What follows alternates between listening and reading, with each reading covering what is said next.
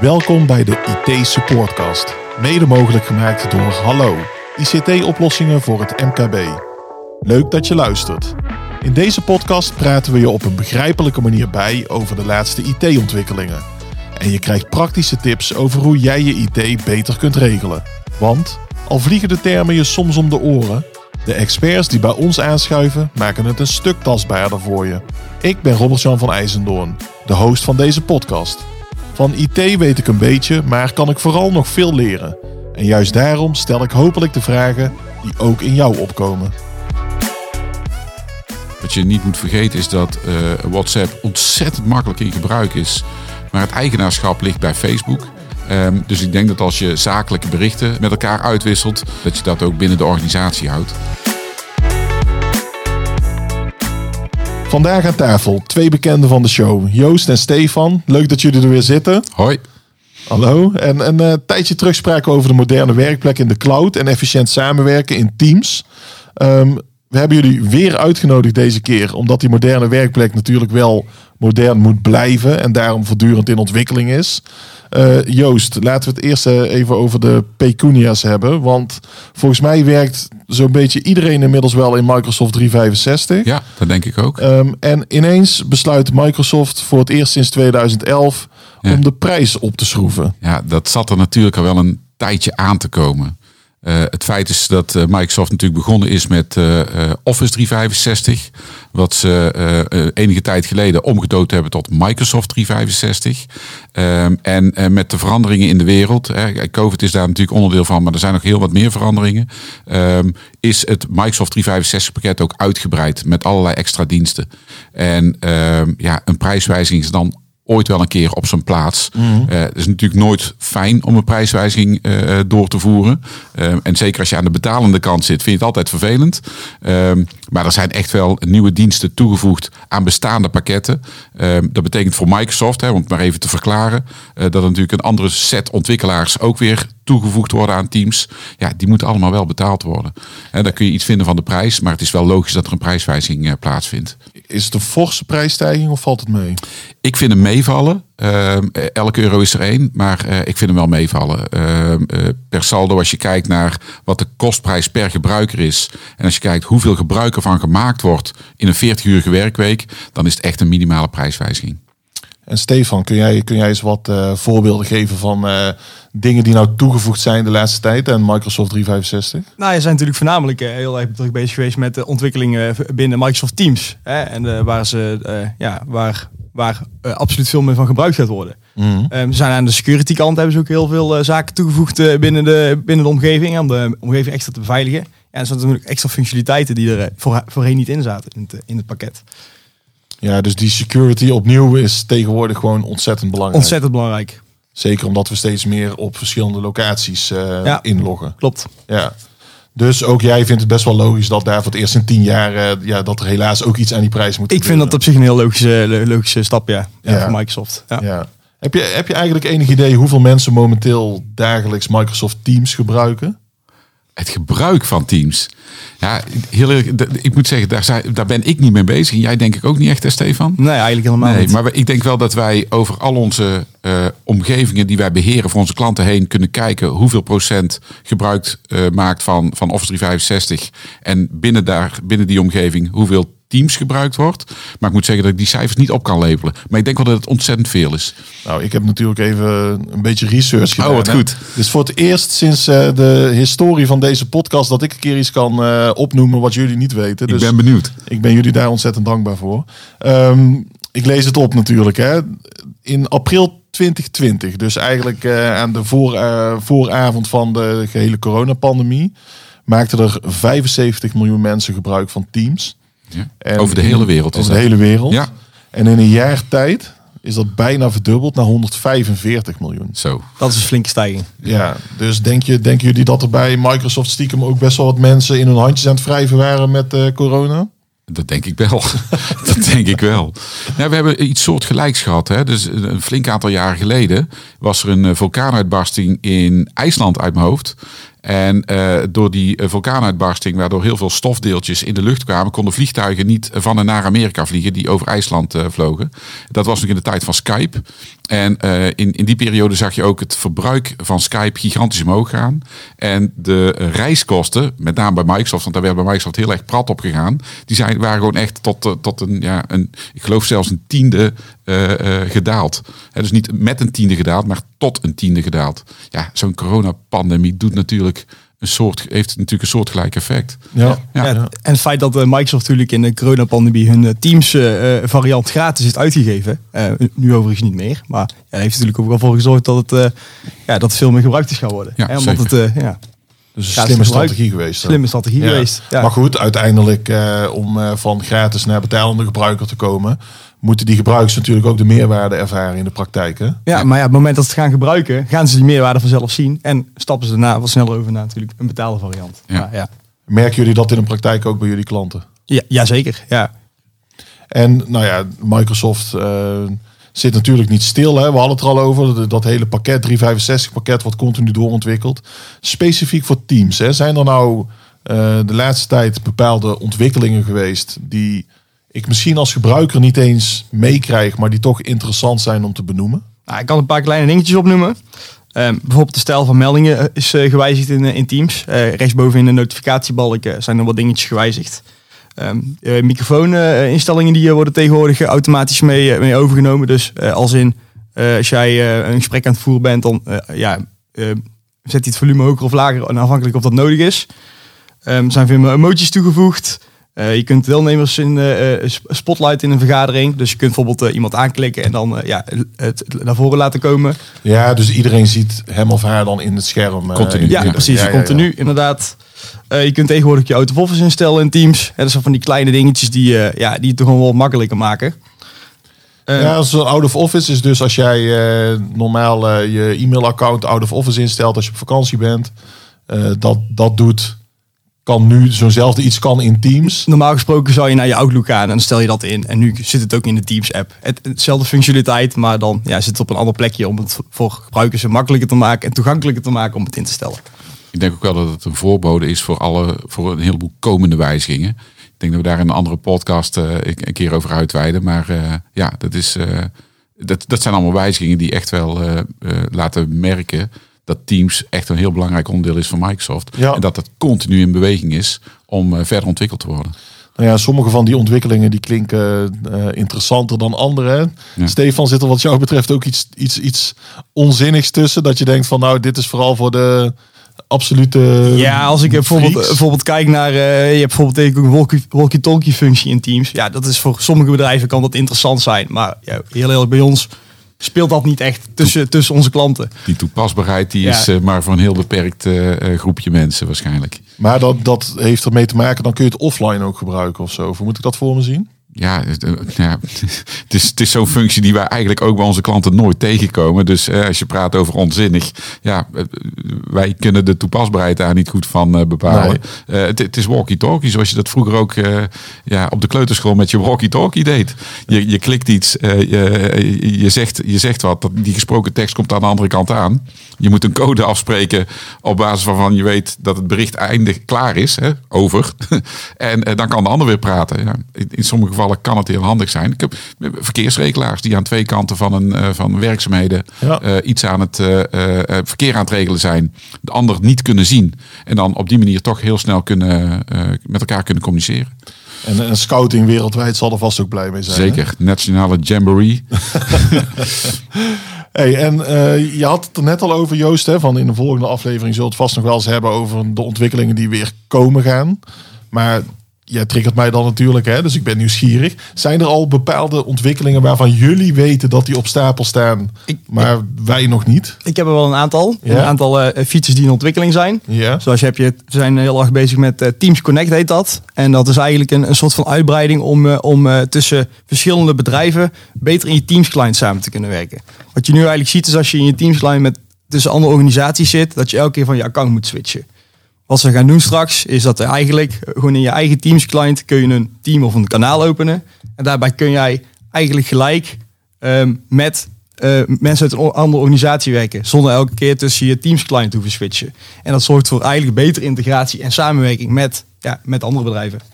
Zijn dat, zijn dat moeilijke dingen om, om, om in teams te implementeren, om dat te ontwikkelen? Nou, ik denk dit juist niet, omdat het, de, eh, omdat het laagdrempeliger wordt om samen te werken met andere bedrijven. Ja, in de uitvoering niet, maar in de ontwikkeling Ja. denk ik dat Microsoft daar wel een uitdaging heeft. En dat zit met name aan de security kant natuurlijk. Hoe kun je zorgen dat als je meerdere organisaties met elkaar verbindt, dat dat toch, ehm, eh, eh, dat, dat het toch veilig is en, en goed gebeurt. En dat data op de juiste plek landt. Eh, dus als je berichten naar elkaar typt of documenten met elkaar deelt, wie is eigenaar van die documenten? En vanuit welke organisatie komt die? En eh, welke organisatie of welke mensen uit een organisatie kunnen dat lezen? En mag dat? Dus ik denk dat daar in de implementatie wel een, een hele grote uitdaging zit. Maar ik denk wel dat het echt een wens is die heel veel mensen zullen hebben. Hoe groot zou nou zo- zo'n ontwikkelteam van Microsoft zijn? Ik, ik heb in gedachten zie ik echt een, een, een, mega hal voor me, ramvol computers met 100 man. Ik heb daar zelf ook helemaal geen beeld van. Nee, maar die, die mensen zitten niet in één hal. Die zitten over de hele wereld verspreid. Eh, en dat zijn er echt duizenden, denk ik. Ja, Ja, dat denk ik En dan heb ik het wel over het hele eh, eh, Microsoft 365 Ja, team. ja. Maar het zijn er duizenden. En Stefan, hè, er zijn ook diverse beheerfuncties toegevoegd aan, eh, aan Teams. Volgens mij merk je daar als gebruiker niet echt iets van. Nee, als gebruiker merk je er niks van. Eh, ze zijn heel open. eh, als je kijkt naar beheersfunctionaliteit, had je vroeger heel, bijvoorbeeld, je had het eh, beheerscentrum voor Skype en voor Teams. En ze proberen eigenlijk alles naar elkaar te brengen om het eigenlijk voor de beheerder ook een beetje overzichtelijk te maken van hè, wat zit er allemaal in het systeem en ja, op welke plekken of welke knoppen moet ik draaien om bepaalde doelen te bereiken. Dus eh, daar hoef ik me verder geen zorgen over Daar hoef je als gebruiker absoluut geen zorgen over te maken. Dat, eh, dat regelen wij allemaal op de achtergrond. Hey, en natuurlijk luisteraars van deze podcast, hè, die blijven op de hoogte van dit soort ontwikkelingen. Maar ik kan me voorstellen dat het ook fijn is om, eh, hè, zeker als je daar enigszins in geïnteresseerd bent, wat er allemaal mogelijk is met zo'n met zo'n Teams. Waar kan ik nou makkelijk op de hoogte blijven? Is er een bepaalde eh, e-mailing die er maandelijks uitgaat vanuit Microsoft? Of, er zijn ontzettend veel kanalen waar eh, nieuwe items eh, gedeeld worden. Microsoft doet dat natuurlijk zelf.